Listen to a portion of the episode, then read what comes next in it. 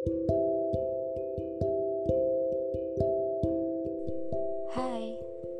akhirnya setelah sekian lama balik lagi di podcast kali ini untuk sharing beberapa hal dan kita bisa belajar bareng-bareng.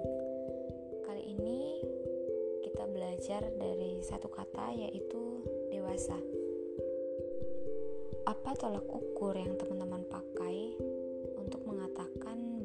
seseorang telah dewasa? Pastinya kalian juga punya persepsi masing-masing tentang hal ini, iya kan?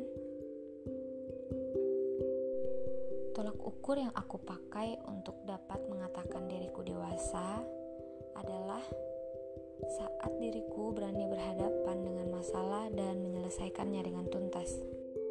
Masalah yang tidak diselesaikan dengan baik dan berharap bahwa waktu yang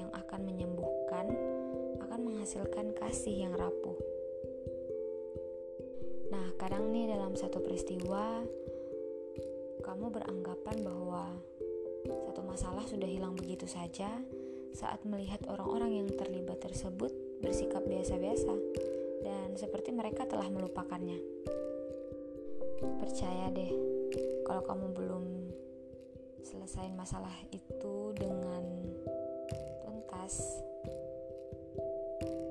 belum melupakannya.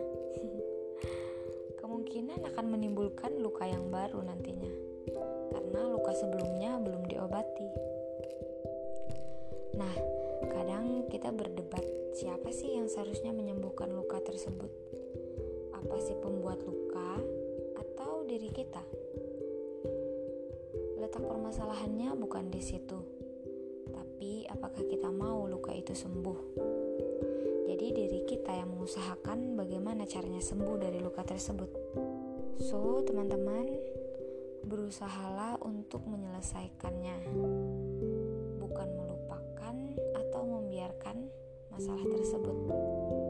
Karena ada hati yang harus diobati dari rasa sakit atau kecewa.